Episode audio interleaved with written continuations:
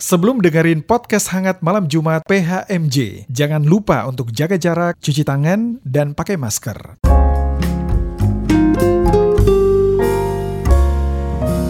Podcast hangat malam Jumat. Selamat malam Sobat Hangat, kembali lagi di PHMJ Podcast Hangat Malam Jumat. Nah, eh, seperti biasa nih malam Jumat kan, eh Kamis malam ya kak? Ya malam Jumat dong berarti. Kamis malam. Eh, Kita kembali lagi nih untuk menyapa sobat-sobat hangat. Dan tentunya sobat hangat pasti kabarnya baik-baik aja kan. Pasti dong. Nah, sebelum kita kenalin dulu ya kali ya. Kenalin diri ya. Kenalin diri. Ini banyak yang belum kenal sama belum kita kenal ya. Pos magang atau magang di KMJ yang baru ya oke saya Anes Anes Iya. iya Saya Ella ya, Bapak Ibu ya, pendengar semuanya semuanya. eh, kita masih Kita masih magang. doakan kami semoga kami bisa jadi karyawan tetap Amin, amin. Ya ampun, kita semangat banget ya ini. semangat ya. banget Nah. nah nah kak eh, Ella nih Ella Mm-mm. malam ini kita punya narasumber tuh keren banget Uh, siapa tuh Nes? karena di GPIB tuh banyak pelayanannya kan Mm-mm. Terus eh, dan dua orang ini di GPB Kasih Karunia pelayanannya berbeda-beda kak. Uh, wow. Seru banget, penasaran kan? nih, aku nih Siapa penasaran nih. Penasaran kan? Penasaran siapa tuh Nes? Kita kenalin aja kali sekarang ya kak. Boleh langsung aja. Nah yang pertama dia harus adalah seorang majelis jemaat. Hmm. Dia eh, sektor satu kak. Namanya Bapak Diaken Eka Surya Atmaja. Selamat malam. Malam, Om, selamat Om, malam. kita panggil Om Eka aja kali ya. Om aja biar Boleh, akrab ya, Iya, bebas, akrab. bebas, bebas, santai. Iya. Yang kedua, ini juga dari kan kalau dia aku bilang tuh kak, Ella pelayanannya berbeda. Oh. Nah, Kalau yang ini apa nih yang pelayanannya? ini pelayanannya eh, sebagai kepala kantor, Uh. kepala kantor gereja kita. Itu ada Ibu Lasminar Simanjuntak Boru Marbun. Apa- Halo. Selamat malam. Malam. Kita panggilnya biasanya sih Kalasmi. Oh iya, biar Kalasmi, juga biar ya, akrab, makanya karena udah Kalasmi. akrab ya. Iya, Gitu. Kalasmi, iya gitu kan makanya.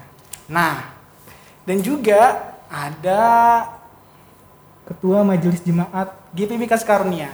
Siapa yang nggak kenal? Wah. Kenal Semua kenal pastinya, dong semua pasti. kenal ya. ada Bapak Pendeta Abraham Bepersa. Selamat malam Pak. Apa kabar Pak? Halo, Kak sekolah. Nah, sebelumnya kita akan kembali lagi ya Kak. Kembali ke mana nih? Kembali ke topik pembahasan kita nanti ya. Ya, tapi sebelum kita ngobrol itu nih, Nes, Hmm. kita eh, baiknya lebih ngobrol-ngobrol lebih dekat lagi nih Oh, sama boleh, narasumber boleh, kita boleh, boleh, boleh, ya. boleh, Boleh nih. Kalau gitu kepada Om Eka nih, Om Eka boleh kenalin diri ke sobat hangat pendengar kita semuanya. Boleh. Selamat malam, Anas, Kaela, dan yang rekan-rekan yang, yang, yang lain. Eh, nama saya Eka Suryana Atmaja. Terkadang orang suka nulisnya Eka Surya Atmaja, tapi nggak apa-apa. Nama lengkap saya Eka Suryana Atmaja. Saya tinggal di di eh, Jalan Raya Pondok Aren, Gang Beringin. Dan saya bekerja eh, boleh dikatakan ya dibilang sibuk ya sibuk. Saya bekerja apa aja. Saya bekerja di BUMD eh, PD Dharma Jaya. Itu aja yang saya bisa sampaikan. Oke. Om Eka sektor satu ya Om ya? Ya, saya dari sektor 1, pelayanan sektor 1 bentar. Kayaknya Om Eka juga korsek ya Om ya? Kors- korsek Ya, sektor satu ya? kebetulan juga saya korsek juga sektor 1. Nah, mantap, mantap, mantap. Nah, selanjutnya kita kenalan juga nih Kak Ella sama si Kalasmi. Iya. Kalasmi boleh perkenalan diri Kak, nama dan kesibukannya Kalasmi apa sih? Halo sobat malam. Eh, perkenalkan nama saya kalau sesuai KTP Mas Iya. Minar Marbun.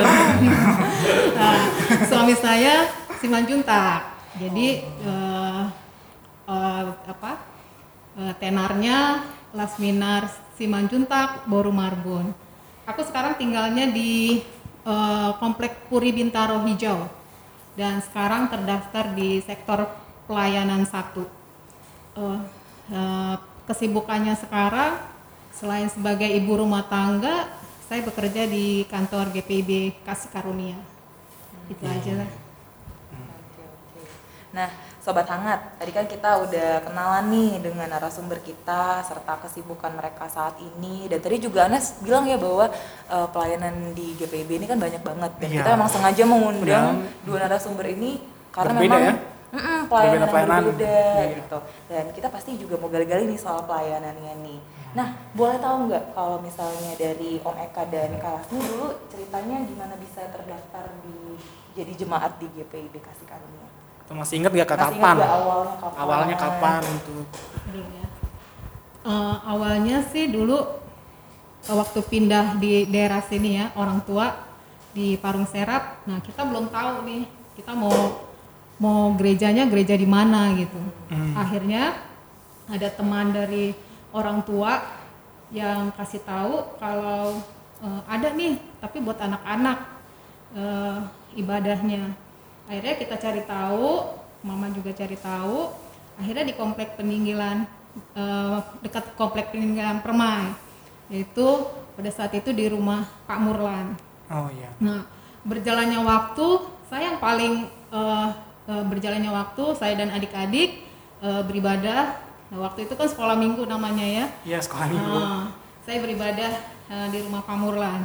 Tapi berjalannya waktu, saya yang paling aktif. Di antara adik-adik, saya yang paling aktif. saya yang paling aktif eh, segala kegiatan di sekolah minggu waktu itu ya. Saya yang paling aktif segala kegiatan semuanya saya ikuti dan akhirnya saya mendaftarkan diri eh, seorang diri aja di GPB Kasih Karunia hingga saat ini saya terdaftar di Kasih Karunia bersama-sama dengan suami dan anak-anak itu sih dari umur berapa itu Kak Lasmi? kenapa Dari umur berapa? aku tuh umu- eh, di sini tahun eh, 80-an tahun 80 udah lahir belum? sama belum lahir juga masih SD berarti sekitar 10 11 eh, 9 10 tahun lah ya Oh, mantap mantap. Berarti udah lama banget Udah ya di lama GPIB banget. ini ya, Udah. dari awal-awal banget ya itu Iya. berarti ya Kak Lasmi ya. Kalau misalnya dari Om Eka, gimana Om? Iya. Om. Awalnya saya dulu saya tinggal di daerah Guntur, Jakarta Selatan. Nah, saya kebenaran dan istri uh, kebenaran istri warga jemaat GPIB Paulus. Kalau saya GKI. Nah, akhirnya kita menikah, pemberkatannya di GPIB Paulus. Nah, setelah saya di GPIB Paulus, seiring berjalannya waktu, kita pindah ceritanya ke Pondok Aren di daerah Pondok Aren. Saya cari gereja, cari gereja yang istilah GPIB juga di mana gitu. Ada yang kasih tahu daerah sini nih katanya gitu. Dengan yakin saya datang sini, ternyata salah. Yang di belakang gereja itu kok masuk pakai band segala ini saya bingung ya udah deh, malah udah masuk masa keluar lagi gitu kan. Ya udah saya ikutin ibadah. Pas saya ibadah, saya bilang, "Mah, salah ini kayaknya bukan GPIB nih." Saya tanya sama orang yang ngasih tahu teman tuh, "Bukan bukan itu, adalah satu gang di Indomaret tuh ada tuh." Sebelum dulu sih belum ada Indomaret. Saya tarik ada tulisan wah ini dia GPIB akhirnya saya, saya mulai dari GPIB itu kalau kurang eh, nggak salah itu tahun 2003an saya do- 2003 saya ibadah ikut ibadah. Terus saya mungkin terdaftar di GPIB Kasih Karunia ini kurang lebih tahun 2000 ya 2004 kak, kak. zaman itu pada saat itu KMJ-nya Ibu Pendeta Mailuhu Air itu nah anak-anak saya pun akhirnya di CD di, ya, dibaptis di sini itu dengan pendeta Oke. Nah, itulah di situ awalnya saya di GPIB Kasih Karunia. Ya, itu aja. Nah, nah Om, Om Eka kan berarti 2003 masih berarti lamaan Kalasmi ya. Iya. Nah Om Eka eh, dulunya tuh awal mula pelayanan di kasih karunia tuh kapan Om? Saya awalan awalnya menjadi bergabung di GPIB Kasih Karunia itu mulai pelayanan. Saya awalnya itu ke di PKB. PKB. PKB itu Sebagai apa? Om? eh, kebenaran saya sebagai ketua PKB-nya gitu loh. Ah, langsung pelayanan langsung jadi ketua PKB. Iya, karena pada saat pemilihan PKB saya juga dulu sebenarnya anggota aktif gitu di anggota. Saya senang gitu dengan dengan PKB gitu. Saya juga awalnya dulu nggak yakin kok saya bisa jadi ketua PKB gitu pada saat pemilihan gitu. Saya diundang. Ya kebetulan waktu itu ya ketua tiga aja masih pas sampai siahan waktu itu ya. Oh, Hmm. udah pak datang pak kayaknya tuh punya strategi gitu loh strategi di kemudian acaranya di rumah pak sampai gitu loh kan kumpul lah semua di situ termasuk dia Dodi itu ada di situ juga. Wah saya bilang ini yang berkompeten nih kayak yang berpengalaman nih kayak Pak Dodi ini saya bilang nih. Udah akhirnya saya berebutan Pak Dodi, Pak Dodi aja deh Pak Eka aja deh. Eh wakilnya nih Pak itu. Nah, waktu terus ya bukan bukannya ini akhirnya Pak sampai bilang udah Pak jadi ketuanya aja. Nanti saya bantu dah. Saya nggak bisa apa-apa Pak. Saya nggak bisa apa-apa gitu. Kalau untuk menjadi ketua gini enggak Bapak bisa yakin deh kata gitu ya seiring berjalannya waktu ya dah kata gitu. Nah udah kayaknya bapak cocok nih ya udah. Akhirnya ya itulah awalnya saya jadi ketua PKB gitu.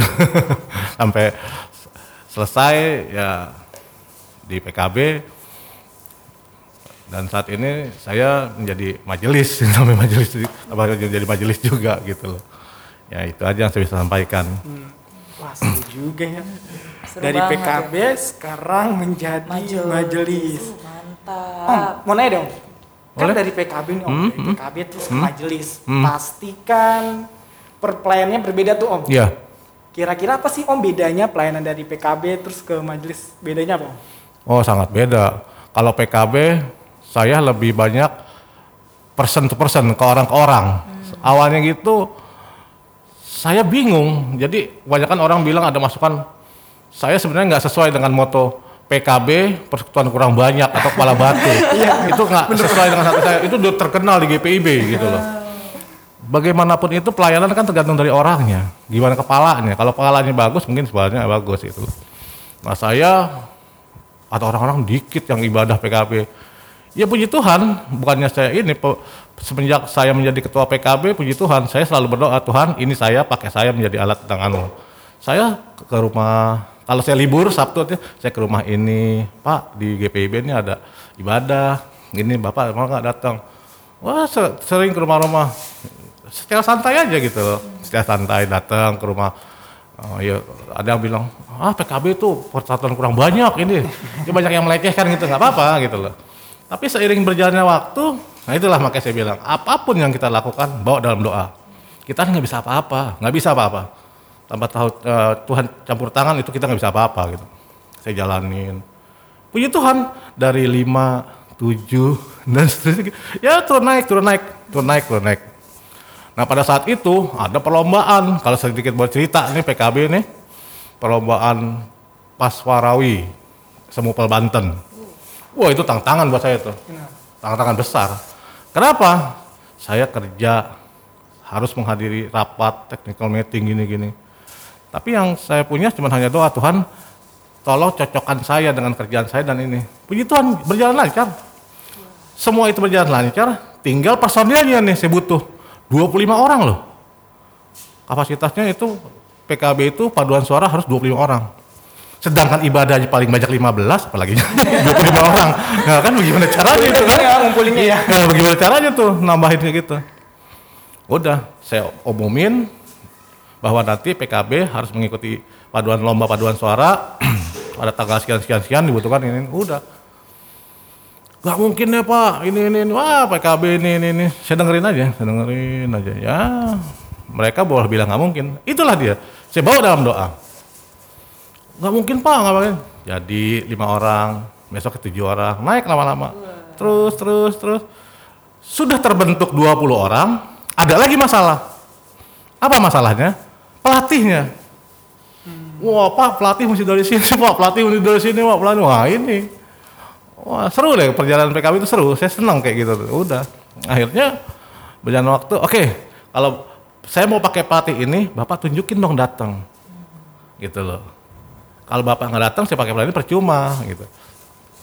Udah, eh mulai dadak banyak, banyak, banyak, banyak. Singkat cerita, jadilah tuh 25 orang. Semua, waduh puji Tuhan. Itu yang saya bilang. Kita ini nggak bisa apa-apa, nggak bisa apa-apa. Terbentuk 25 orang. Yang jadi masalahnya lagi apa? Udah dua hari lagi, seragamnya belum punya. ada aja Luar biasa, dahsyat itu. Makanya saya bilang, dahsyat Tuhan luar biasa. Untuk saya pribadi, dahsyat. Karena apa? Dua hari lagi. PKB nggak punya uang. PKB nggak, ini saya cerita di sini. PKB nggak punya uang. Saya buktiin. Tuhan, saya mau ikut lomba. Dua hari lagi. Saya cari batik Cipulir. banyak kenalan Cipulir teman. Wah, batik ini berapa nih? Saya foto, saya kirim ke Pak Sampai waktu itu tiga tuh. Oh bagus nih Pak, bagus, bagus. Udah saya tanya, berapa nih Pak harganya? 100 ribu. Terus temen nanya, ini buat apaan nih ser- seragam batik ini? Buat acara paduan suara. Oh jangan, kalau paduan suara mah jangan pakai ini sekali cuci rontok ntar jangan, yang bagus aja. Berapa? 250 ribu, 100 ribu aja saya bingung. Apalagi 250 ribu. Hah? Waduh, pusing saya nih. Saya kalau nggak salah ke Cipulir itu cuma bawa uang berapa? Nggak sampai 500. Dengan kebingungan itu dahsyatnya saya bilang, pada hari haknya itu saya bingung di Cipulir ada orang telepon saya. Warga jemaat. Saya nggak sebutkan lah namanya ya. itu. Eka lagi di mana? Cipulir pak, lagi cari seragam ya? Iya. Butuh uang ya? Iya. Berapa? Sekian, transfer sama dia. Jadi. Dahsyat nggak? Nah, itu yang saya bilang. Dahsyat. Nah itulah makanya. Nah, sudahlah dapat seragam, saya bagi. Iya kan? Jalan lomba. Nah dengan pelatih, saya bilang akhirnya nggak pakai pelatih yang bayaran, pakai pelatih lokal aja. Boleh saya sebut namanya? Boleh. Nah itu Pak Hengki Seo itu. Saya bilang kalau saya pakai pelatih bayaran, kalau menang, kalau nggak menang kan jadi umpatan. Pakai pelatih lokal Pak Hengki bagus. Saya bilang kenapa nggak di iniin? Puji Tuhan Semupel Banten kalau bukan tuan rumah itu saya, saya bilang itu saya juara dua karena tuan rumahnya ada di situ saya jadi juara tiga. Puji Tuhan PKB saya pegang juara tiga Semupel Banten. Itu aja. Keren, keren, keren. Jadi Om Eka ini melihat motivasinya katanya PKB personal kaum kurang banyak. Mungkin karena motivasinya itu dia langsung ay bisa bisa bisa Iya. bisa. Jadi wah keren, Keren sih banget sih. pelayanannya. Oke, Mantap. oke, oke. Nah, Kak, sekarang kita ke Kak Lasmi nih. Kak Lasmi, eh, Kak Lasmi awal mula pelayanan nih. awal mula pelayanan eh, saya awal mula pelayanan pelayan PA Oh, pelayan PA. iya dari pelayan PA eh, dari masih muda sih ya saya pelayan PA terus sampai saya hamil anak kedua anak Esther, eh, Esther dari situ saya sudah stop tidak pelayanan PA lagi. Ya itu sih eh, mula awal pelayanan saya dah. Udah di pelayan PA lama Kak? Lama berapa lama tuh? dari masih muda sampai anak umur Esther berapa lama ya?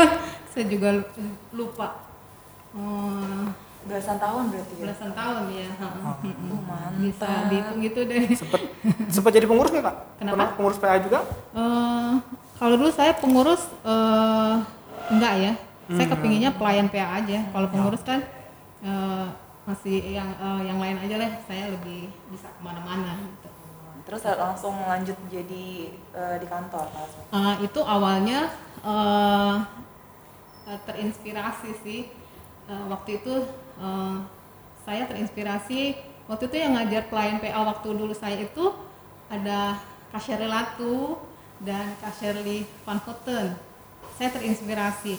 Terus saya gini wah kalau jadi pelayan PA enak ya. Nah gitu ya. Uh, akhirnya setelah CD setelah CD saya langsung terjun ke pelayan PA gitu. Saya mengajar Eh, seru juga. Seru seru banget deh. Terus dari situ dari saya menjadi pelayan PA banyak kegiatan yang saya ikuti di pelayan PA itu. Eh, antara lainnya eh, jambore jambore mm, anak-anak nasional sama eh, eh, pembinaan alat peraga. Waktu itu itu sekitar tahun 1999 ya. Itu saya ikuti eh, berbagai macam kegiatan baik itu PA, eh, PT, GP banyak kegiatan yang saya ikuti dan waktu itu setelah saya lulus sekolah itu saya bekerja sebagai SPG. Nah kalau sebagai SPG eh, pelayanannya pasti nggak maksimal. Di hari Minggu pun bisa masuk, harus masuk kerja. Kerjanya Kalau ya, iya, kerjanya. Sip-sipan ya, Kak, ya? Iya, sip-sipan. Dan saya nggak nggak mau seperti itu gitu loh, nggak bisa karena saya pengen eh, pelayanan PA gitu loh. Akhirnya saya berhenti. saya berhenti dan pada waktu itu eh, GPIB Kasih Karunia buka lowongan buka lowongan eh, saya coba daft- eh, saya coba ngelamar dan akhirnya saya diterima saya diterima waktu itu saya diterima jadi awalnya kasir. Kasir di kantor kasih karunia. Saya jadi kasir dan seiringnya berjalan waktu eh, apa eh, waktu itu eh, kepala kantor itu eh, almarhum Oma Telma Sumakut.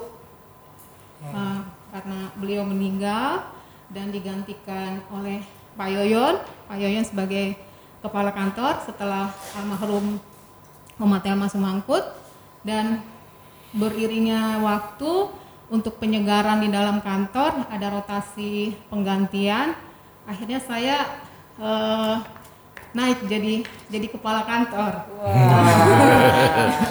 Hingga saat ini saya jadi kepala kantor yang biasanya dipanggil Bu Kakak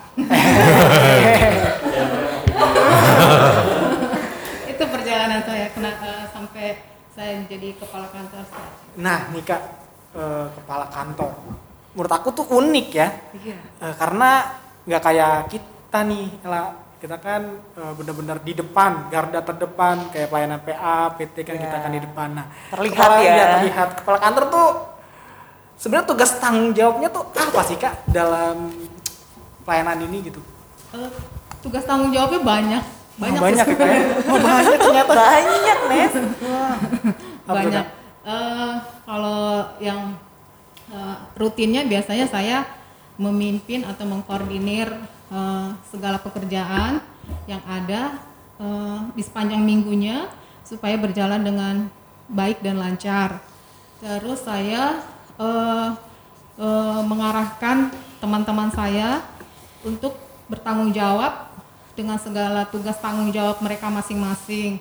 Dan juga eh, ya membantu membantu PHM ya dalam hal untuk membuat warta jemaah, tata ibadah, surat-surat itu yang rutin-rutin. Dan kalau yang eh, terus eh, biasanya mengingatkan nih, mengingatkan majelis yang bertugas ataupun organis pro kantor multimedia yang bertugas untuk persiapan buat hari Minggu. Dan juga hmm, eh, apalagi ya eh, mengingatkan pelayan firman juga untuk konfi- apa konfirmasi untuk tugas pelayanan di hari Minggu eh, supaya mereka eh, siap ya. Misalnya kita tahu mereka bisa atau tidak untuk eh, pelayanan di hari Minggu. Kalau untuk yang non rutinnya biasanya sih saya kasih laporan-laporan ke PHM, terus eh, mengatur cuti, cuti teman-teman, terus eh, lembur kalau ada yang lembur dan juga kalau ada yang izin, ya itu saya mengatur siapa yang bisa mengerjakan ini, siapa yang eh, tidak bisa mengerjakan ini. Itu aja sih kalau Itu aja tapi Banyak banyak, ya. Itu ajanya banyak. Waduh, coba ulangin lagi Nes. Enggak inget pasti kan banyak banget. Banyak banget ya. Jadi itulah kepala kantor ya seperti itu. Jadi kan kita udah dengerin ya tuh ya Nes ya. Eh, Om Eka pelayanannya seperti apa, terus juga Kalasmi pelayanan seperti apa, udah dari udah dari lama banget. Nah, pasti dari sekian banyak pelayanan yang eh, Om dan Kalasmi sudah lewati, tentunya ada tantangan-tantangan yang pernah dilewati atau yang mungkin sampai saat ini masih dirasakan gitu. Ya kalau untuk saya pribadi dalam pelayanan, puji Tuhan nggak ada ah, nggak ada halangan apa pun. Pokoknya pada intinya saya pribadi, setiap eh, di saat saya sekarang menjadi majelis, kalau tugas itu kan kita udah tahu jadwalnya kan. Nah sebelum tugas itu kita bawa dalam doa gitu loh. Jadi biar tugas itu berjalan dengan lancar dan kita nggak ada halangan. Saya ini boleh kerjakan kerja saya padat, padat. Jadi kayak ibadah rumah tangga juga misalnya kadang-kadang, aduh nggak sempat ke sini. Tapi saya paginya udah berdoa Tuhan pada saat ini saya mau ada ibadah rumah tangga. Kalau memang Tuhan izinkan saya boleh ikut, saya ikut gitu. Gimana? Itu bukan kehendak saya, tapi kalau Tuhan menghendaki saya ikut, saya ikut. Tapi bisa berjalannya waktu, semua itu bisa berjalan gitu loh. Meskipun saya bisa ikut ibadah apalagi kalau bisa sebagai PF atau PL gitu. Wah itu benar-benar saya benar-benar doakan jauh-jauh hari gitu loh. Karena dan hasilnya pun luar biasa gitu.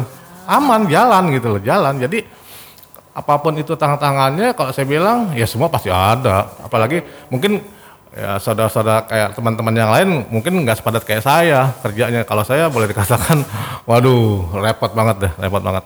Makanya kadang-kadang seperti kayak tadi ibu pendeta Lia bilang saya ibadah di dalam mobil. Kenapa? Kayak bisa di ruangan tapi kan nggak enak itu kelihatan orang gitu. Jadi saya ambil yang khusus dalam mobil pakai AC gitu kan. Jadi enak gitu. Saya juga kayak doa siang juga kadang-kadang suka bilang sama Pak Pendeta Pak mohon izin kalau misalnya, misalnya saya bisa ikut saya ikut di dalam mobil gitu. Pernah waktu suatu saat lagi ikut-ikut ibadah gitu ketok-ketok persiapan persiapan gitu. Jadi aduh langsung saya live aja gitu. Jadi saya ngeliat jadwal kegiatan saya saya lihat nih oh kayaknya bisa aman ya. Saya koordinasi ke sekretaris saya, uh, punya acara itu ini acaranya ini ini, ini saya ambil saya ambil dua jam nih saya nggak mau ini nih saya bilang saya nggak mau diganggu dua jam nih. Ya udah. Nah itu saya bisa ngikut. Jadi kapan ada waktu saya ambil bagian itu. Kalau misalnya kayak saya nggak tugas dalam ibadah apa pun ya saya di dalam mobil juga saya ikut gitu. Karena itu menjadi tanggung jawab juga saya sebagai majelis gitu. Jadi namanya ibadah itu wajib kayak begitu nggak hanya hari minggu gitu loh. Nggak dijadikan tantangan nggak dijadikan hambatan nggak ya, jadi sama hambatan. Ya. karena bukan apa apa kalau menjadi jadi hambatan atau ini makin jadi itu kayak begitu. Jadi jalanin aja gitu loh. Jalanin aja. jalanin aja kalau gitu. Kak Asmi nih hambatannya selama ini tantangannya selama ini pastinya kalau setiap kita pelayanan pasti banyak tantangan ya. Kalau saya tuh tantangannya sih ya saya sih jalanin aja gitu. Pasti eh, semuanya kalau kita jalani dengan sungguh semua akan baik. Tapi kalau kadang kalau lagi kita lagi eh, eh, apa ya lagi hmm, tidak tidak mood tidak mood gitu. Kadang ya suka kesel gitu kan. Nah biasanya kalau tantangan di dalam pelayanan di kantor itu eh, kebanyakan misalnya eh, yang bertugas sudah dijadwalkan tapi pada saat harinya eh, berhalangan. berhalangan tidak bisa. Iya. berarti otomatis eh, kita harus cari penggantinya.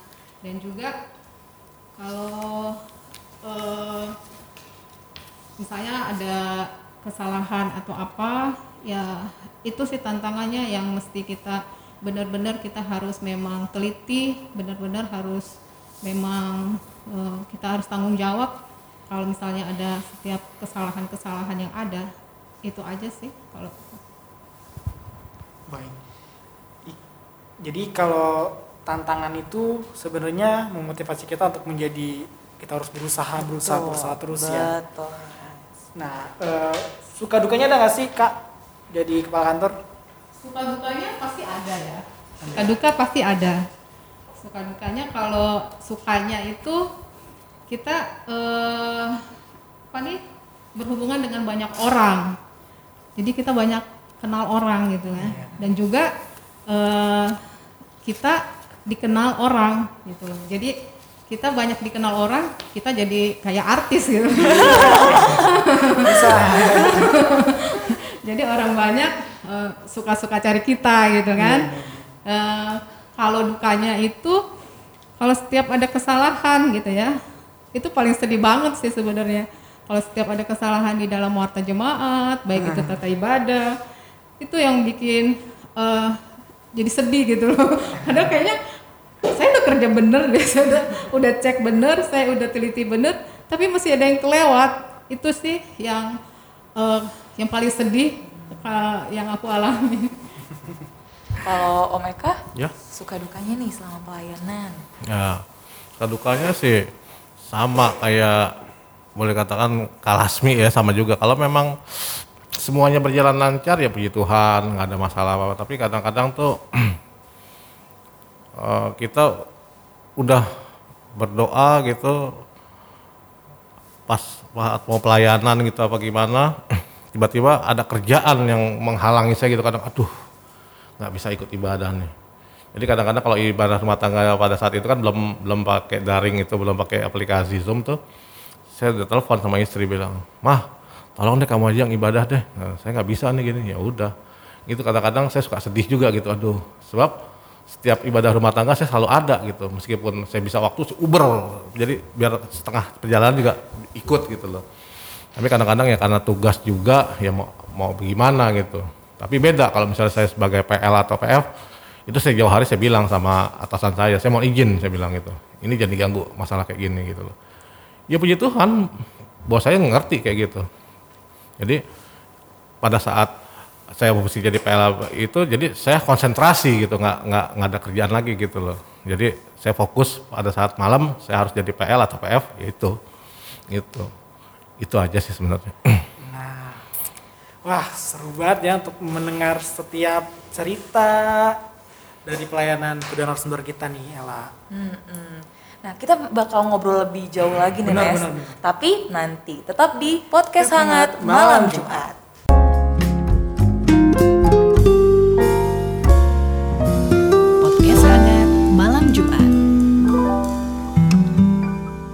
Kembali lagi di PHMJ Pod- podcast hangat Oh, malam Jumat. Sorry ya kalau masih magang.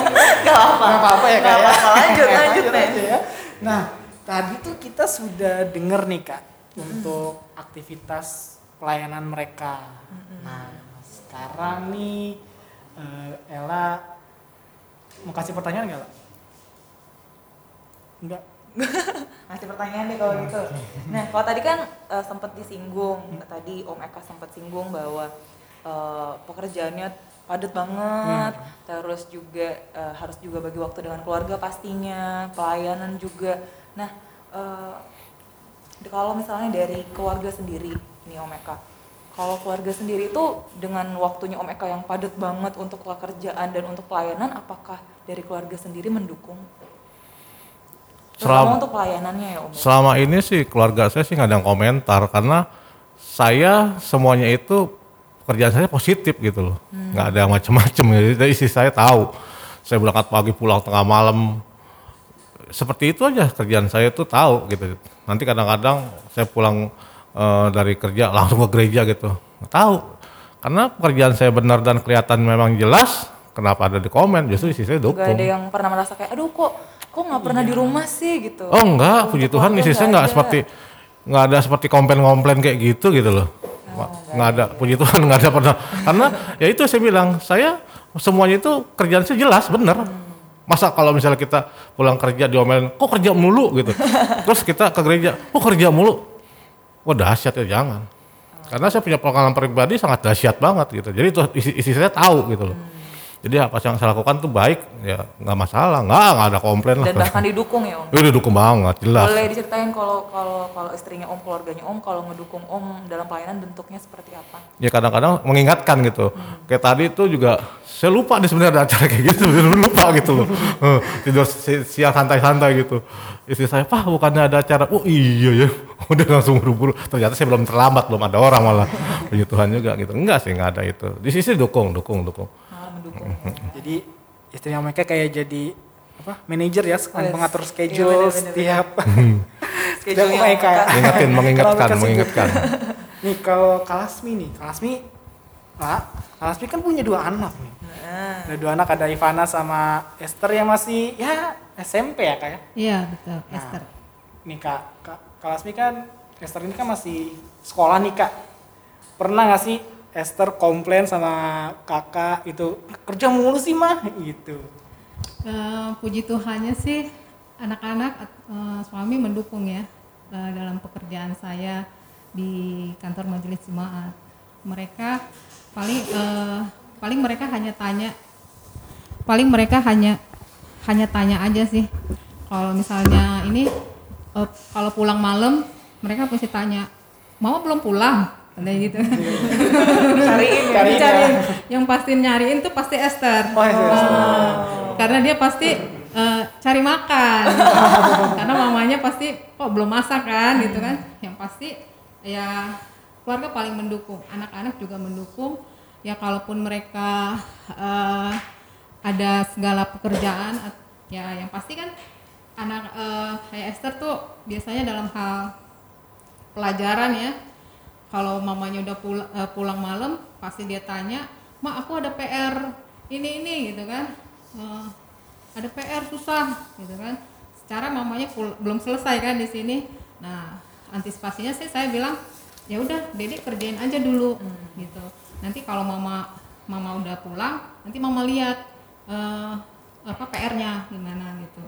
Ya itu aja sih kalau untuk keluarga mendukung mendukung ya. Iya. Pernah sempat merasa kesulitan dengan bagi waktu gitu nggak sih Kak Lasmi? Kan Eh. harus ngurusin anak, terus nanti kan harus masak dan Iya, segala kakak kan macam. ibu rumah tangga juga kayak berarti ya. itu kan pasti susah banget nggak sih Kak Lasmi untuk untuk ngatur waktunya? ya mengatur waktu pasti sulit ya Eh, ketika ya yang paling ini sih tadi yang paling mendukung pasti suami ya suami paling mendukung dan juga eh, pernah sih merasa bagi waktunya susah nih. Nah, misalnya dalam contoh eh, saya harus bekerja di sini dan ada ada acara di sini gitulah. Nah, misalnya ada rapat eh, SMJ atau apa. Nah sedangkan harus ambil ambil rapot anak-anak gitu loh ambil rapot Esther atau enggak Ivana. Nah suami itu ada ada ada pesta gitu loh.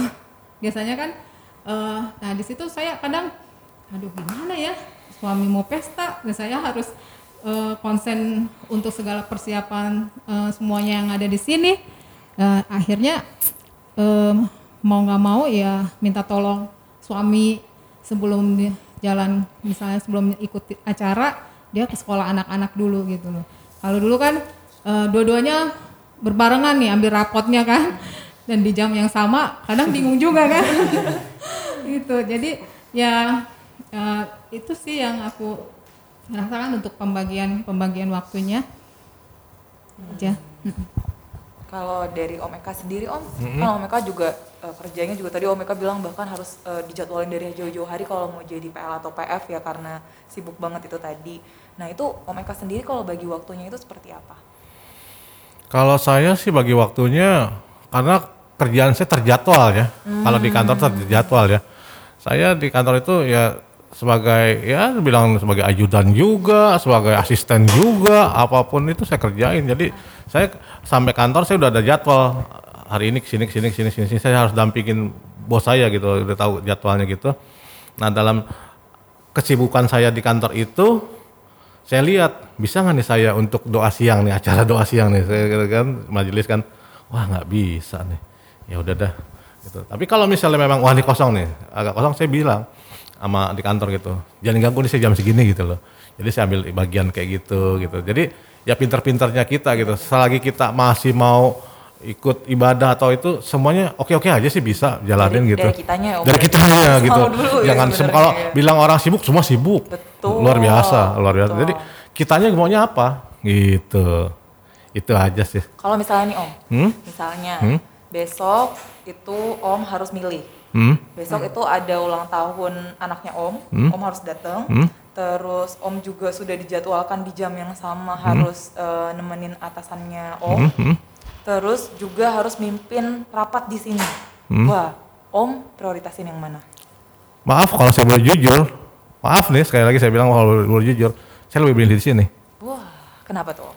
karena saya pernah bilang pribadi sama pimpinan saya Pak saya waktu itu saya pernah ibadah rumah tangga dijegal sama dia. Ibadah rumah tangga waktu saya belum jadi majelis. Wah nggak bisa. Kita kan ada acara meeting di Mabes jam hari Rabu setiap hari Rabu gini. Tapi kan hari Rabu saya ada ibadah pak gitu loh. Jadi tolong dikasih mengerti gitu loh. Ya udahlah dia bilang nggak bisa. Ini kita oke nggak bisa. Yang saya lari bukan saya kesal sama orang itu saya punya Tuhan yang dahsyat saya bawa dalam doa. Berubah itu meeting besokannya dahsyat itu. Berubah itu meeting. Saya bilang sama bos saya dahsyat kan pak? Tuhan saya saya bilang gitu. Nggak bisa ngomong. Saya, saya bilang gitu. Jadi saya boleh dikatakan saya butuh kerja butuh kerja butuh kerja. Tapi juga saya punya Tuhan yang maha dahsyat luar biasa. Karena pribadi luar biasa saya tuh saya terbentuk saya pernah jatuh. Benar-benar orang saya paling berdosa orang paling berdosa Tuhan angkat saya. Jadi Tuhan baik sama saya saya benar-benar layani sekarang dia jadi waktu libur saya kayak misalnya Sabtu Minggu itu saya bagi untuk yang benar-benar itu. Jadi mungkin pengalaman iman saya dahsyat. Jadi saya ini orang paling berdosa, paling dahsyat, paling terpuruk. Tuhan angkat pelan-pelan. Saya dari PKB, saya pernah jadi ketua HUT Pasca, dan saya nggak menginginkan jadi majelis, saya nggak menginginkan. Yang seru lagi waktu saya jadi majelis, kepilih, saya bingung, bingung kenapa? Saya nggak punya jas. Kan itu wajib punya jas. Sekarang harga jas kan mahal. Iya, iya. Tapi lihat cara Tuhan kerja. Sa- Saat saya kepilih jadi majelis, ada orang yang nyumbang saya untuk beli jas. Tuhan lengkapi kita semua. Nah makanya tergantung kitanya gitu loh.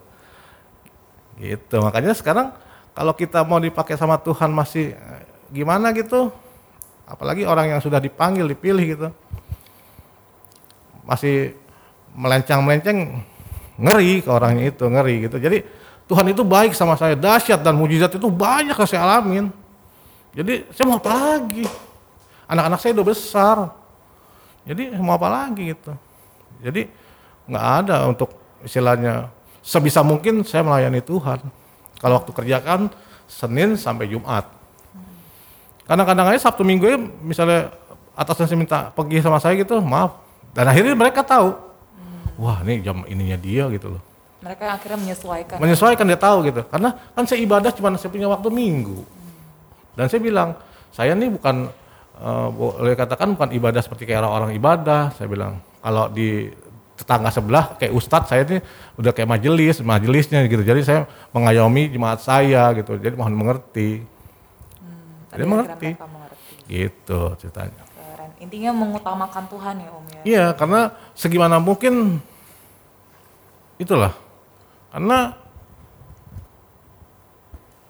susah kalau orang nggak mengalami eh, kejadian yang luar biasa tuh susah. Jadi ya boleh katakan Tuhan sayang sama saya, keluarga keluarga saya gitu. Mantap. Keren Jadi Om. mau orang mau bilang apa terserah. Gitu. Ini yang saya alami. Oke. Itu aja. Oke. Kalau Kak Lasmi pernah mengalami momen di mana harus memilih di apalagi antara apalagi Kasmi kan orang Batak nih kak Iya. bisa Sabtu Minggu tuh bisa pesta ya enggak Nah, pernah nggak kak Pernah nggak tuh? di satu waktu iya.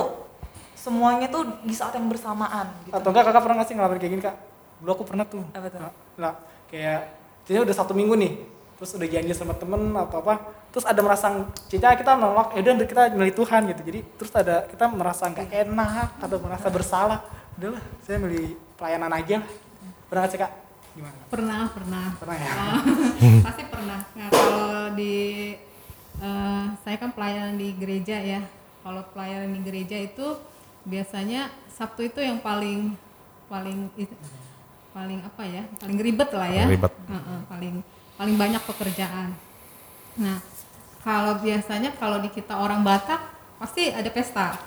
Terus sebelum pandemi pasti banyak banyak pesta gitu. Loh nah biasanya eh, kalau pesta ini biasanya kalau ada ada saudara yang biasanya ada saudara yang satu minggu sebelum hari H udah eh, kasih undangan gitu kan.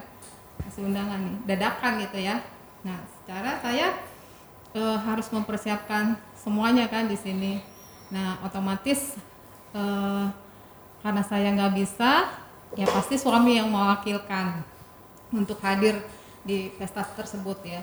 Kecuali kalau misalnya dari keluarga keluarga inti atau saudara deket nah di situ pasti saya eh, jauh-jauh hari saya udah minta izin atau cuti gitu loh untuk eh, bisa hadir eh, di pesta tersebut. Kalau eh, punya rasa nggak enak pasti nggak enak. Kita udah diundang terus kita nggak hadir pasti ada rasa eh, nggak enak ya sama pernah tuh kak? Pernah kayak gitu? Pernah pernah. Jadi kakak milih pelayanan daripada acara itu? Kenapa? Pernah milih pelayanan daripada acara Iya, itu? Pernah? Saya eh, pernah. Nah, jadi saya tetap milih milih di Di pelayanan karena gitu Eh, gitu ya? kalau pesta ya pesta pasti kapan aja bisa ada pesta gitu kan kalau untuk pelayanan pasti kita tetap harus konsisten untuk mem- apa ya untuk melakukan semuanya gitu loh. Jadi ya saya ya kalau untuk itu saya bilang sama suami gitu loh saya nggak bisa gini gini Eh, saya ada kerjaan di sini gitu. Eh, tapi untuk itu suami sih tetap tetap selalu apa ya eh, mendukung gitu loh. Ya udah biar aku aja yang pergi gitu untuk pesta ini gitu. Itu aja sih yang Nah, boleh di kadang-kadang tuh kita tuh takut takut dibilang orang kan itu ih sibuk banget kan gitu ya. bener-bener. Perasaan sendiri ya pengalaman Iya, sendiri ya takut kadang-kadang bisa takut eh, kehilangan teman kan? Karena lebih pentingin Iya. pelayanan. Ini kelas ini tolong dibilangin nih kelas. nah jadi gimana nih kak? Ella kayak lagi kan aku manggil nggak apa nggak apa nah kalau tadi kita udah dengar ceritanya Kalasmi yang soal pernah deng- pernah ngorbanin gitu lah istilahnya Mhm. ngorbanin eh, masalah pribadinya kayak gitu. Kalau dari Om Eka sendiri kalau Om Eka pernah nggak sih sekali aja gitu? Eh, atau lebih sering ya ini kayaknya si Om Eka ini? Ngorbanin teman-teman ngorbanin Ngorbanin keluarga gitu. Pernah nggak Om? Ngorbanin Merasa- yang mm-mm, atau ngerasa nggak enak gitu Ngorbanin dalam hal gimana maksudnya? kayak tadi Kalasmi kan jadi ada sebuah janji gitu om udah janji nih dalam dua ini kayak om merasa ya udah prioritas om, om merasa nggak enak gak sih om gitu pernah ada rasa nggak enak gitu karena lebih milih pelayanan. pelayanan daripada acara tersebut Ya memang sih kadang-kadang kita harus kasih pengertian juga sama kita yang punya janji gitu. Seperti kayak taruhlah jangan janji sama teman yang lebih dekat lagi, misalnya kayak anak ulang tahun atau keluarga ulang tahun. Eh, ternyata di gereja ada acara lah apa misal kayak rapat PHM ya apa gitu ya.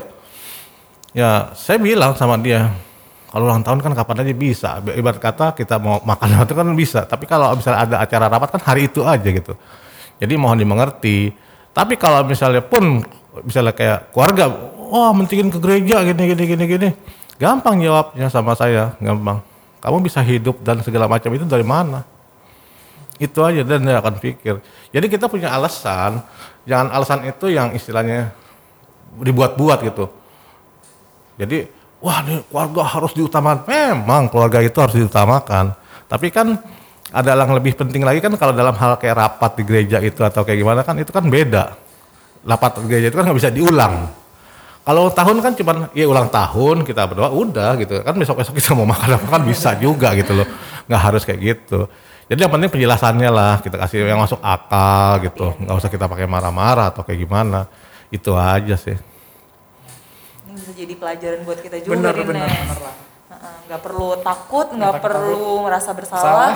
kalau kita nolak temen nolak keluarga harus tetap ngandalin Tuhan. Malah jadi beban nantinya kayak gitu. Iya benar. Mantap mantap mantap. Nah kita bakal kembali lagi ya kan nanti ya? Kita istirahat dulu. Kita istirahat dulu nggak lama-lama Jangan tetap di. PMJ podcast sangat malam Jumat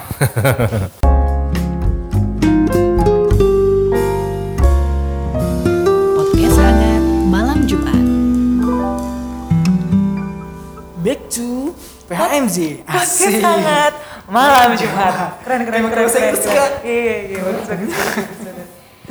Nah, sobat hangat di segmen ini nih kita akan mendengarkan nih bagaimana sih eh, Om Eka dan Kak Nasmi menyimbangkan. wah ini nih gue penasaran banget nih sama segmen yang ini nih Kita kan sukanya kan lebih di atas ya. Kayak itu kan kita harus kurang seimbang ya Kurang kehidupan seimbang. kita ya kayaknya ya. Hmm. karena masih muda kan masih labil kita kan. enggak sih kalau Enggak aku ya? Oh, enggak ya? enggak. Iya. Nah, gimana nih eh Kak Lasmi dan mereka nih cara eh, menyimbangi antara keluarga, pelayanan, pekerjaan dan peribadahan? Apa eh, bagaimana caranya nih? supaya nggak ada yang lebih lebih misalnya Mana? "Eh-eh, nanti keluarga lebih merasa kurang nih waktunya untuk keluarganya atau ternyata ibadahnya masih terlalu kurang nih gitu gimana sebenarnya cara untuk menyeimbanginya nih Pak Asmi? Ya, aku sih biasanya cara mengimbanginya itu eh, apa ya? Eh, ya melakukan pekerjaan dilihat dulu nih kondisinya seperti apa nih Eh, pekerjaan biasanya saya biasanya eh, kalau pagi nih saya siapin dulu semuanya siapin eh, biasanya eh, sarapan anak-anak eh, makan siang gitu ya. Nah e, kalau saya udah siapin semua, saya baru enak berangkat untuk berangkat kerja gitu loh. Dan saya, eh, nah kalau di kerjaan saya udah nggak mau pusing lagi eh, di rumah. Saya konsentrasi pekerjaan, pekerjaan saya konsentrasi, saya eh, kerjain semua. ya kalau misalnya ada eh, WA atau telepon dari anak-anak saya jawab Eh, selebihnya kalau kayak kalau saya udah di kerjaan tuh eh, anak-anak nggak pernah ganggu tapi kalau eh, itu pun biasanya kalau ada yang mendesak baru mereka boleh eh, baru baru mereka WA atau telepon. Nah terus eh, kalau dalam pekerjaan eh, dari teman-teman saya yang pulang eh, pulangnya paling on time gitu. Kalau paling eh, apa eh, lewatnya lewat lewat 10 menit 15 menit gitu loh. Kalau itu kalau hari-hari biasa ya saya pulangnya on time gitu loh. Karena saya pikir saya harus kerja lagi di rumah. Saya harus siapin segala eh, semuanya lagi baik itu eh, makan malam ya biasanya dan juga tanya-tanya eh, ngobrol-ngobrol sama anak-anak gitu loh. Jadi saya eh, rutinitas setiap hari seperti itu. Jadi kalaupun ud- ada misalnya eh, waktu itu sebelum sebelum kita ada zoom atau atau ada meeting saya usahakan untuk eh, ikut ibadah rumah tangga gitu sama suami kalaupun misalnya eh, suami masih di jalan saya janjian di sini eh, di mana ya kita datangnya eh, eh, janjian janjian dan eh, itu pun eh, ya kita sama-sama laksanakan gitu loh. Antara eh, pekerjaan rumah dan eh, ibadah. Jadi nggak ada yang apa ya nggak ada yang susah sih kalau kita jalanin eh, memang dengan segala sesuatunya nggak ada beban gitu. Jangan jangan bersungut-sungut gitu loh. Gua udah capek nih gitu kan. Udah di kantor terus ke rumah lagi nggak di badan lagi kan. Itu itu tapi kadang kadang seperti itu gitu loh. Tapi yang mengingatkan lagi-lagi suami gitu. Nggak boleh gitu kamu harus ibadah gitu. Karena yang paling memang yang paling kontrolnya tuh suami gitu dia eh, kalau siang dia tanya misalnya ibadahnya di mana sekarang gitu kan? Ibadah rumah tangga. Eh, di rumah ini. Ya udah kamu duluan aja aku belakangan nanti nyusul. Karena hmm, pulangnya telat gitu. Jadi eh, ya itu antara pekerjaan ru- rumah tangga dan apa pelayanan ya diimbanginya ya begitu dengan kita komunikasi dengan suami dan anak-anak juga udah tahu gitu loh. Oh mamanya hari ini eh, ada kegiatan ini gitu. Eh, jadi mereka juga paling ditanya mama mau kebaktian ya? Di mana? Oh, udah gitu. tahu ya. Nah, gitu. Jadi eh, ya udah kadang aku tanya gini dede ada PR nggak? Eh, enggak udah. Bisa. Tadi di sekolah bisa nggak? Bisa mak gitu. Paling itu aja sih untuk ini. Jadi Asmi masih mengontrol ya, ya mengontrol semuanya pekerjaan, kuliah dan rumah tangga di dapur ya. Nah untuk Om Eka sendiri gimana Om? Kalau saya sih saling karena kebetulan anak saya udah besar-besar, ya saya minta tanggung jawab mereka masing-masing gitu loh. Saya udah bilang dan anak-anak saya tahu dari masih kecil juga saya bekerja itu nggak seperti kayak orang-orang sih jam 8 atau jam 9 pulang jam 6 gitu. Saya dari dulu kerja tuh berangkat gelap pulang gelap gitu loh. Itu yang saya sedih kadang-kadang kayak begitu, tapi ya tuntutan pekerjaan gitu loh. Ya akhirnya mereka keluarga juga tahu gitu loh. Saya kerja ini bukan main-main, kerja. Dan bagi waktunya pun kalau misalnya ada kesempatan kayak Sabtu Minggu kan saya libur. Kalau memang ada tugas dari gereja ataupun ya saya di rumah gitu. Ngobrol apa kayak gimana ya. Saya ngobrol sama anak gimana masalah nggak kerjaan gini. Atau kayak anak saya kan yang si kerja Sabtu suka masuk atau ya udah saya tunggu minggunya gitu atau kayak gimana. Setiap ada kesempatan kita ngobrol kita ngobrol. Saya orangnya lebih banyak bicara lebih baik kalau ada masalah tuh kita ngobrol.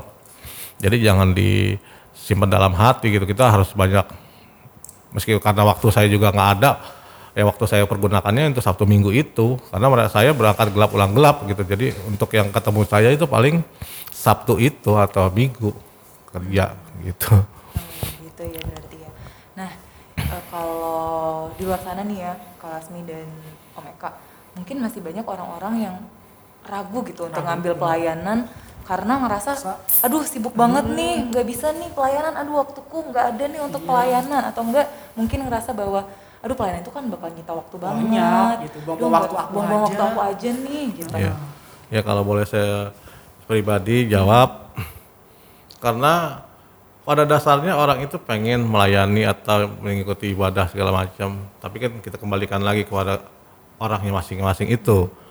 Terkadang dia mau loh mau melayani. Saya mau melayani gini gini gini. Tapi dia belum membuka hati. Membuka hati dia belum mau gitu belum berserah. Jadi kadang-kadang kadang-kadang seperti kayak gitu jadi jadi jadi cobaan untuk dia. Besok besok dia pengen wah gue ikut ibadah ini ah gitu cerita punya cerita seperti kayak gitu tapi tiba-tiba ada godaan. Ah pergi sana. Akhirnya orang itu gitu karena dia nggak fokus segala sesuatu itu harus fokus gitu loh. Dan ingat satu hal lagi itu dibawa dalam doa. Mau apa pun itu kalau saya pribadi apa pun itu saya bawa dalam doa. Saya ini orangnya cengeng. Cengeng dalam arti kata bukan cengeng sama manusia. Saya lebih baik saya tekankan sama keluarga saya kalau ngadu jangan sama orang. Ngadu sama Tuhan saya bilang itu. Kalau ngadu sama orang akhirnya nggak benar. Ngadu jangan sama orang. Sama Tuhan. Saya tuh sering ngadu kayak begitu sama Tuhan pada malam hari sebelum tidur. Dan saya di kantor pun sebagian saya waktu kecil pun saya doa. Saya doa gitu. Karena kerjaan saya risiko tinggi. Kerjaan saya ini risiko tinggi. Jadi saya harus banyak dalam doa. Jadi apa pun itu keikhlasan tulus kita melayani atau kita mau beribadah semua tuh ada jalannya. Mau melayani nggak? Atau mau ibarat kata usah melayani. Kita hari minggu mau ke gereja. Niatin hari Jumat atau hari Sabtu. Wah, dari jauh-jauh hari ya. iya gitu. Karena tiba-tiba kita hari minggu ah main gereja gitu. Tiba-tiba ma- malam minggu kita begadang atau tidur agak lebih malam. Ah lewat gitu. Jadi alasan. niatnya apa? Niatnya apa buat hari minggu itu gitu loh kalau memang kita udah punya niat dikasih waktu yang baik tapi kita nggak ngejalankan resiko itu mereka sendiri yang tanggung Niatnya berarti Hmm. ya. Sesuatunya itu dua niat niat. niatnya apa Kalau menurut Kalasmi sendiri gimana Kalasmi? Eh, apa ya kalau saya itu pelayanan itu sudah dari masih masih masih single ya? Masih remaja. Mantap. Jadi kalau untuk pelayanan itu eh, bagi yang masih muda-muda itu sangat luar biasa kalau kita kalau kita eh, apa ya menjalaninya dengan dengan tulus dengan sungguh-sungguh. Karena banyak pengalaman banyak eh, apa ya yang boleh kita eh, perjalanan pergumulan itu pasti pasti ada gitu loh.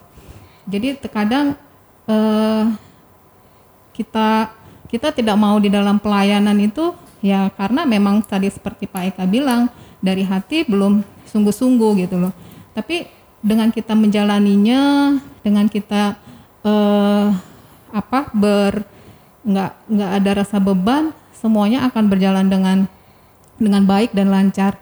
Kalau di dalam pelayanan itu pasti kalau pengalaman aku nikmat luar biasa banyak pengalaman. Kayak aku di pelayanan PA itu eh, banyak maksudnya untuk eh, merangkul anak-anak itu paling paling enak gitu paling eh, luar biasa gitu loh. Kita bisa bisa mengajar anak-anak kita bisa jalan-jalan sama anak-anak gitu loh. Banyak pengalaman yang saya boleh dapat di dalam pelayanan PA waktu itu eh apa ya eh, kita bisa ikut ke mana-mana gitu kalau ada acara gitu loh. Jadi kita bisa bawa bawa jadi pengalaman kita gitu loh. Dan juga eh, jangan kita ragu untuk pelayanan dan jangan kita bersungut-sungut di dalam pelayanan. Jalani itu dengan sungguh pasti semuanya akan luar biasa nantinya itu aja sih. Nah, keren banget ya. Kak. Ah, keren Nah, banget. Nah, untuk yang terakhir nih. Hmm. Terakhir ya. Omeka sama Ya, siap. oke Lasmi. Terakhir sobat hangat pengen denger nih eh, dari Omeka sama Kalasmi eh, mau denger pesan atau tips-tipsnya nih untuk eh, memulai pelayanan itu seperti apa atau Kak, Kak Omeka atau atau Omeka atau Kalasi punya nggak sih ayat-ayat Alkitab khusus gitu dalam yang pernah dialami gitu dari Omeka sama Kalasmi untuk memotivasi? Khususnya tuh para muda gitu para muda pemudi GPB kita yang Betul. eh, harusnya kata Kalasmi tadi di muda tuh pelayanan tuh banyak pengalaman. Betul. nah kira-kira dari Omeka atau Kalasmi ada nggak sih pesan atau nggak tips-tips nih buat para sobat hangat dari. Ya kalau saya tips-tipsnya sih sangat sederhana ya. Jadi selagi kita mau melayani apa pun itu, kita harus tulus, ikhlas. Karena dengan adanya tulus ikhlas itu semua berjalan dengan lancar tanpa bersungut-sungut. Itu betul kata Bu Lasmi seperti kayak begitu benar. Sebab apa pun itu pekerjaan apa pun itu bukan soal melayani di gereja ataupun di kantor, kita harus jalani dengan sungguh-sungguh dengan supaya kita nggak capek nantinya gitu loh. Kalau kita melayani dengan sungguh-sungguh, semua semoga semuanya sih dapat berjalan dengan lancar. Jadi apa pun itulah kita harus semuanya dengan penuh keseriusan mengerjakan apa pun itu harus dengan keseriusan, nggak bisa setengah-setengah gitu loh. Dan hasilnya pun kita akan lihat hasilnya itu pasti lebih baik daripada yang kita setengah-setengah gitu. Itu aja sih yang mau sampaikan gitu. Nih, makasih Omeka, itu tips dari Omeka ya. Nah, dari Kalasmi gimana? Kalau dari aku eh, gini ya, selagi kita masih muda, mari kita eh, melayani, mari kita ambil banyak-banyak pengalaman. Dan pun kalau kita sudah berkeluarga, mari kita juga harus melayani gitu. Melayani itu tidak pandang dengan eh, muda, tua, anak kecil, eh, lansia, semuanya bisa melayani dengan talenta yang masing-masing dimiliki gitu loh. Eh, dan pula kalau kita sudah berkeluarga, jangan jangan kita berpatokan sibuk ngurus anak, sibuk ngu- ngurus rumah, Benar tuh Kak. Heeh, gitu loh. Untuk apalagi untuk para muda-muda, Iya. papa muda, papa Iya. mama muda ya di kita ya. Ibu muda. Iya, ibu muda tuh, papa muda yang dulunya pelayanan di PA dan PT menghilang. Bener. Bener tuh. Bener. Bener tuh Kak. Aku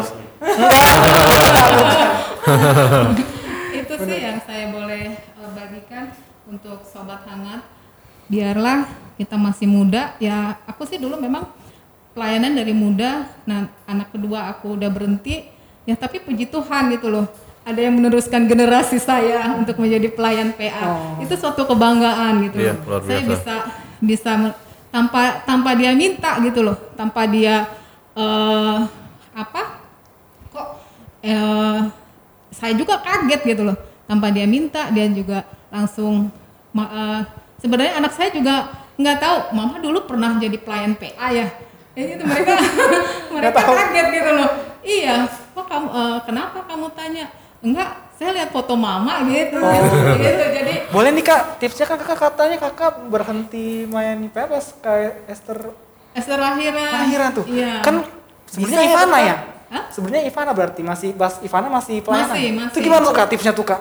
Kan di kita nih Kak, di maksudnya di kita kan sekarang-sekarang sekarang ini. ini nih gitu. Kalau Kak gimana tuh Kak tipsnya Kak?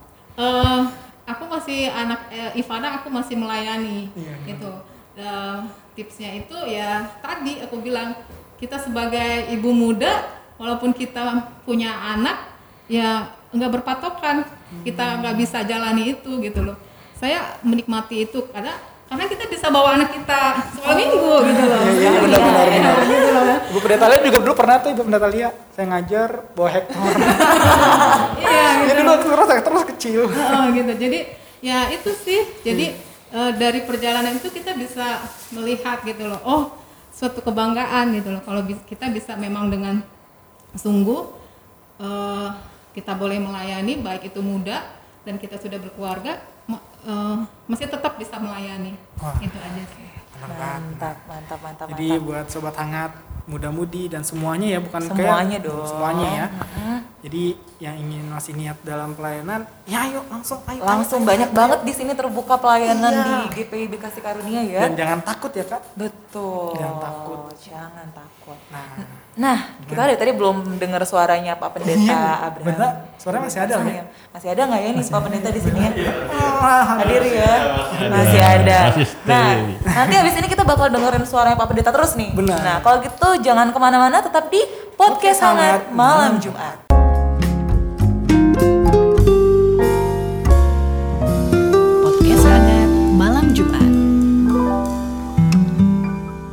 Balik lagi di podcast hangat malam Jumat. Nah, tadi tuh sebelum kita ke Pak Pendeta nih Nes, Iya. tadi itu eh, belum dijawab nih satu pertanyaan kita nih. Iya benar. Ada nggak ayat Alkitab nih dari Kalasmi dan Om Eka yang mungkin menjadi eh, pegangan selama Pegangan, ini ya. gitu? Pegangan. Boleh di-share ke kita? Boleh. Heeh. Kalau pribadi saya, saya paling suka dan yang merubah saya itu saya ingat dari Roma 8 ayat 28. Sebelum saya menjadi ketua PKB atau pengurus atau majelis, itu lagu di CD saya sering dengar. Jadi ternyata selama ini baru saya pahami. Oh ini tuh lagunya gitu. Ada lagunya. Kalau boleh saya bacakan dari Roma 8 ayat 28 itu sebentar. Kita tahu sekarang bahwa Allah turut bekerja dalam segala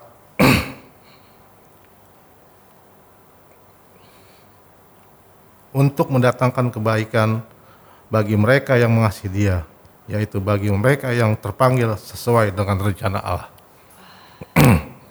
nah itu ada lagunya gitu loh. Jadi lagu itu sering saya putar kalau hari hari Minggu atau hari Sabtu tuh saya setel gitu loh. Jadi oh ini tuh rencana Tuhan untuk saya gitu loh. Jadi kebenaran yang nyanyi juga pendeta dari dari GBI apa dari mana gitu. Itu saya suka lagu itu. Jadi Tuhan itu udah merancang kita dari dulu-dulu itu udah merancang kita, tapi kitanya belum terpanggil gitu loh. Sehingga pada saat itu saya cuek-cuek aja gitu. Ternyata Tuhan punya rencana lain untuk saya gitu dan baik adanya gitu loh. Jadi itu kita dipanggil untuk dibenarkannya. Jadi Tuhan memanggil orang itu nggak mungkin sembarangan gitu loh. Dia akan melengkapi semuanya. Dia akan melengkapi. Saya ini nggak punya apa-apa, saya nggak bisa apa-apa kok. Benar, saya nggak bisa apa-apa. Tapi itulah makanya saya Tuhan nggak bisa apa-apa, nggak punya apa-apa. Tuhan lengkapi semuanya itu, gitu loh. Bahkan kalau boleh saya katakan, saya boleh nggak nyanyiin sedikit tentang lagu ini? Karena lagu favorit saya juga di zaman dulu. Nanti boleh kata begini ya. Dalam segala hal Allah turut bekerja untuk mendatangkan kebaikan bagi kita yang mengasihi Dia. Dia dipilih, dipanggil sesuai rencananya. Kita dipanggil untuk dibenarkannya agar hidup tumbuh serupa Yesus dalam kekudusan bersama Tuhan melakukan perbuatan yang besar. Seperti itu. Wah. Jadi itu, jadi boleh katakan itu yang bikin saya sadar, wah ternyata Tuhan Tuhan itu baik sama saya, dahsyat sama saya. Jadi inilah saya persembahkan untuk Tuhan gitu. Jadi Tuhan udah baik sama saya, terutama keluarga saya, apalagi yang saya mau ini, ini gitu. Gitu. Sekarang Kak Asmi nih. Eh, ayat Alkitab yang paling saya suka itu dari Yohanes 12 ayat 26 yang bunyinya seperti ini. Barang siapa melayani aku, ia harus mengikut aku. Dan di mana aku berada, di situ pun pelayanku akan berada. Barang siapa melayani aku, ia akan dihormati Bapa. Sangat luar biasa nats Alkitab ini. Saya eh, sangat suka. Jadi jika kita ingin melayani dengan sungguh-sungguh, eh, kita akan dihormati oleh Bapa kita akan dihormati oleh Bapa yang di surga. Jadi, mari melayani dengan sungguh dan tetap mengandalkan Tuhan di dalam hidup kita. Amin. Itu aja dari saya. Sekarang tangan dong. Oh, tangan dong. Udah, udah, udah. Sudah, udah. sekarang kita langsung ke Pak Pendeta dari, dari tadi suara yang belum kita dengar. Nyanyi dulu boleh nggak? boleh, boleh, boleh, boleh, boleh. Enggak lah. Oke, apa pertanyaannya? Pak Pendeta boleh dong di-share ke kita Eh, untuk firman Tuhan pada malam hari ini Oh, masih oke. terkait masih terkait dengan pembahasan kita malam ini Pak Pembahasan kita malam ini ya. Saya pribadi eh, mengapresiasi ya Pak Eka dan Ibu Lasmi eh, sejauh yang saya tahu sampai saat ini ya dari banyak rekan-rekan sepelayanan presbiter, karyawan kantor, juga rekan pelayan PAPT dan juga jemaat eh, Pak Eka dengan Ibu Lasmi termasuk yang setia gitu. Dan saya juga setia, setia ganggu mereka. untuk tolong ini, tolong ini, tolong ini dan mereka tidak ada komplain gitu. Nggak tahu ya di belakang saya ya. Mudah-mudahan sih enggak ya. Nah, eh, saya ingin memberi catatan begini eh, di Alkitab itu kalau kita bicara tentang tugas sekuler dengan tugas agama, baik perjanjian lama sama perjanjian baru itu garisnya tegas. Kalau yang namanya pelayanan itu para imam. Kalau yang bukan imam nggak melayani perjanjian lama. Walaupun sebenarnya kita bisa lihat misalnya ya, Yesua pada waktu-waktu tertentu dia menjadi imam juga gitu. Walaupun dia bukan imam. Ada Daud yang juga dia menjalankan tugas kenegaraan, tapi juga dia sangat dekat sama Tuhan.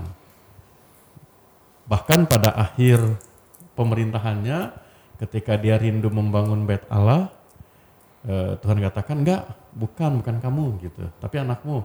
Tapi dia tetap memberikan itu. Artinya eh, saya mengangkat beberapa catatan Alkitab di mana ada orang-orang yang mungkin ada yang secara formal tugas khusus pelayanan, ada yang tidak formal. Tapi kesetiaannya tidak kalah gitu. Lalu misalnya kita tahu ada Amos, nabi yang dia adalah pengusaha agrobisnis sebenarnya gitu ya. Dia peternak, tapi dia jalanin tuh ketika dipanggil Tuhan jalanin gitu.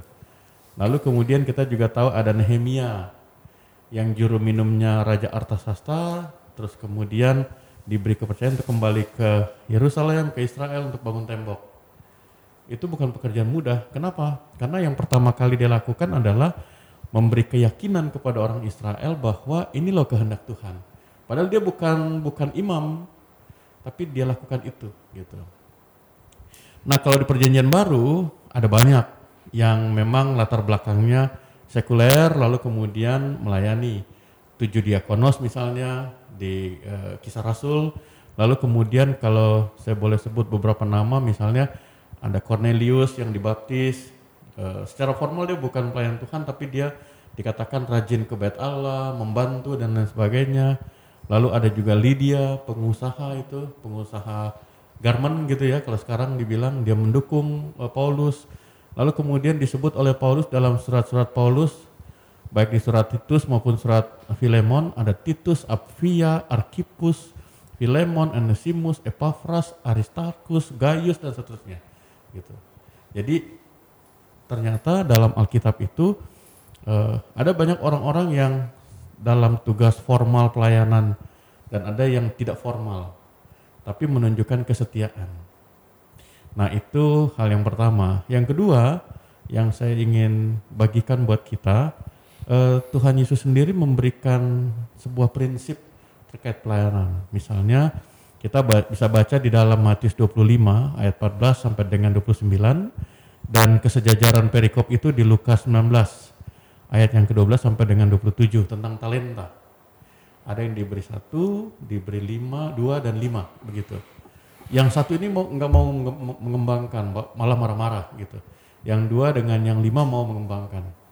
Lalu kemudian di perumpamaan itu Tuhan bilang, "E, sungguh baik yang kamu buat, kamu sudah setia, kamu nikmati kerajaan apa kebahagiaan kerajaan Bapakku," katanya, kata Tuhan gitu. Orang akan mikir kan begini, oh iya dua kan lima lebih dari satu. Padahal bukan soal itu. Kata Tuhan dalam perikop ini adalah orang yang setia dengan perkara kecil akan dipercayakan pada perkara yang besar. Jadi eh, apa yang dilakukan oleh Pak Eka, Ibu Lasmi merupakan representasi dari kita semua ya bahwa hari-hari hidup kita tuh ada banyak tugas, pekerjaan sebagai suami, sebagai istri, dalam kuliah dan lain sebagainya. Lalu ketika dipercayakan pelayanan, maka bukan soal jabatan, bukan soal status, tapi mau nggak sungguh-sungguh melayani. Eh, Pak Eka itu, kalau saya boleh tambahkan informasi, kalau saya ke Pospel, saya selalu bilang sama beliau, Pak, minggu depan saya ke Pospel, siap Pak, gitu. Mungkin ada orang pikirkan begini, kalau minggu saya nggak tugas, ini kesempatan saya, eh, ya udah tenang-tenang istirahat gitu. Nah beliau oke gitu. Bu Lasmi kalau udah jam-jam 5 lewat sedikit saya WA, oh oke Pak gitu. Ya seperti itu.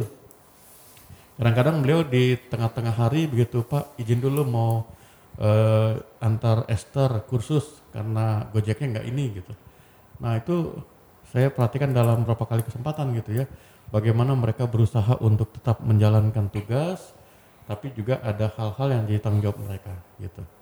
Nah, jadi soal talenta tadi Tuhan katakan bukan soal banyak, soal setia. Kalau dari yang kecil aja nggak setia, apalagi yang besar gitu kan.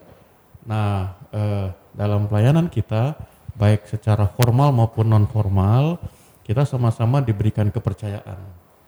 Jadi soalnya bukan berapa talenta yang Tuhan berikan, tapi mau nggak kita setia dengan yang Tuhan percayakan. Nah hal yang kedua yang kita mau, yang saya mau bagikan juga adalah ketika kita melayani di, di apa namanya dikaitkan dengan tugas-tugas keseharian kita, kita harus pahami bahwa melayani itu adalah mengasihi Allah, mengasihi Tuhan. Eh, kita pasti mengingat kisah Tuhan Yesus setelah eh, kebangkitan, lalu kemudian Tuhan Yesus ketemu dengan murid-murid, dan terakhir itu di Injil Yohanes Tuhan Yesus ngomong sama Petrus, dan Tuhan bilang begini, Tuhan Yesus bilang gini, Petrus, apakah engkau mengasihi aku? Tiga kali Tuhan Yesus tanya itu. Dua kali eh, Tuhan Yesus pakai kata mengasihi itu agape. Dan Petrus dua kali pertanyaan itu dijawab dengan phileo. Eh, kalau agape itu kan sempurna. Eh, Petrus menjawabnya dengan phileo, kasihnya manusia. Dan yang ketiga kali Tuhan Yesus bilang, Petrus, apakah engkau phileis? Tuhan rubah kata agape itu menjadi phileo gitu. Di situlah Petrus menangis. Menangis bukan karena ingat penyangkalannya, tapi dia tahu bahwa oh ternyata memang saya nggak bisa mengasihi Allah sempurna. Tapi ketika ada kesempatan, ya itulah yang saya bisa berikan. Itu yang tadi kesaksiannya Pak Eka dengan Ibu Lasmi gitu. Bukan soal berapa lama saya melayani, tapi ketika ada waktu, itulah saya lakukan. Dan itulah bentuk mengasihi Tuhan. Jadi kalau pelayanan itu jadi beban, ya repot gitu. Orang nggak butuh, uh, maaf, Tuhan nggak butuh orang yang banyak waktu, tapi Tuhan butuh orang yang mengasihinya. Jadi kalau uh, kita mengasihi Tuhan, maka kita tidak akan membuat seribu satu alasan untuk, waduh nggak bisa nggak bisa. Tapi kalau kita mengasihi Tuhan, kita akan berusaha dari seribu satu alasan ada seribu kedua yang menjadi jalan keluar untuk mengasihi Tuhan. Nah, jadi itu bahwa yang kedua melayani adalah mengasihi Tuhan. Kemudian yang berikut, yang ketiga kita melayani bukan hanya karena mengasihi Tuhan, sebagaimana surat 1 Yohanes pasal 4 ayat 19 dikatakan kita melayani karena Tuhan lebih dulu melayani kita. Atau kita mengasihi Tuhan karena Tuhan lebih dulu mengasihi kita gitu. Uh, berapa kali saya dengar kata-kata Pak Eka dahsyat dahsyat dahsyat gitu. Uh, kita semua yang ada di studio ini ya studio ya studio ini sebenarnya kode keras buat Pak Rudi koordinator kita gitu kan studio podcast kita ini dan kita semua pendengar PHMJ uh, eh, bahwa kita melayani kita mengasihi Tuhan itu kalau kita punya pengalaman iman dalam hidup kita, maka kita akan bilang nggak pernah cukup yang saya lakukan ini. Kenapa? Karena Tuhan memberi mengasihi itu luar biasa gitu. Apakah kita dari persoalan keluarga, sekolah, kuliah, pekerjaan, soal kesehatan, kita akan bilang wah luar biasa Tuhan ini. Rasanya tuh kita akan eager, ingin terus memberi yang terbaik gitu. Kenapa? Karena kita punya pengalaman iman itu dijumpai oleh Tuhan gitu. Itu juga yang menjadi kesaksian seorang Paulus kan. Dia nggak bilang begini sampai terus, eh, gua nih udah bertobat nih, gua udah bukan lagi musuhnya orang Kristen, gua sekarang udah jadi istilahnya orang yang tokoh nih. Tolong siapin kereta kuda segala macam, gua mau berkhotbah memberi kesaksian. Enggak. Paulus itu kalau kita baca surat Galatia dan kisah Rasul, 14 tahun dia baru diakui sebagai rasul. Tapi selama 14 tahun itu apakah dia diam? Enggak, dia lakukan jalan. Melayani di Damsik, Likia dan lain sebagainya. Sampai dia kembali ke Yerusalem, di situ teman-teman rasul baru bilang, oh iya dia benar rasul. Pengakuan manusia itu bukan yang utama untuk kita cari. Tapi melayani Tuhan, karena Tuhan mengasihi kita, itu yang lebih utama. gitu. Nah yang terakhir, melayani Tuhan, kalau Tuhan katakan apa? Bukan kamu yang memilih aku, tapi aku yang memilih kamu. Gitu. Uh, siapa itu namanya saya lupa.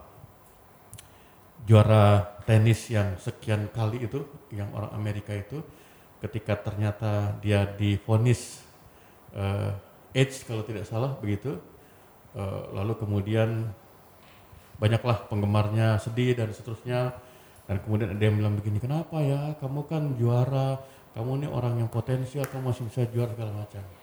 Terus dia bilang iya memang itu pertanyaan yang mengganggu saya juga kenapa saya? Gitu. Tapi kemudian dalam perenungan saya berpikir lagi dari sekian katakanlah ratus orang puluhan ribu orang sampai kemudian saya bisa jadi juara Wimbledon juara apa saya nggak pernah bertanya kenapa saya harusnya kan supaya fair juga bertanya dong.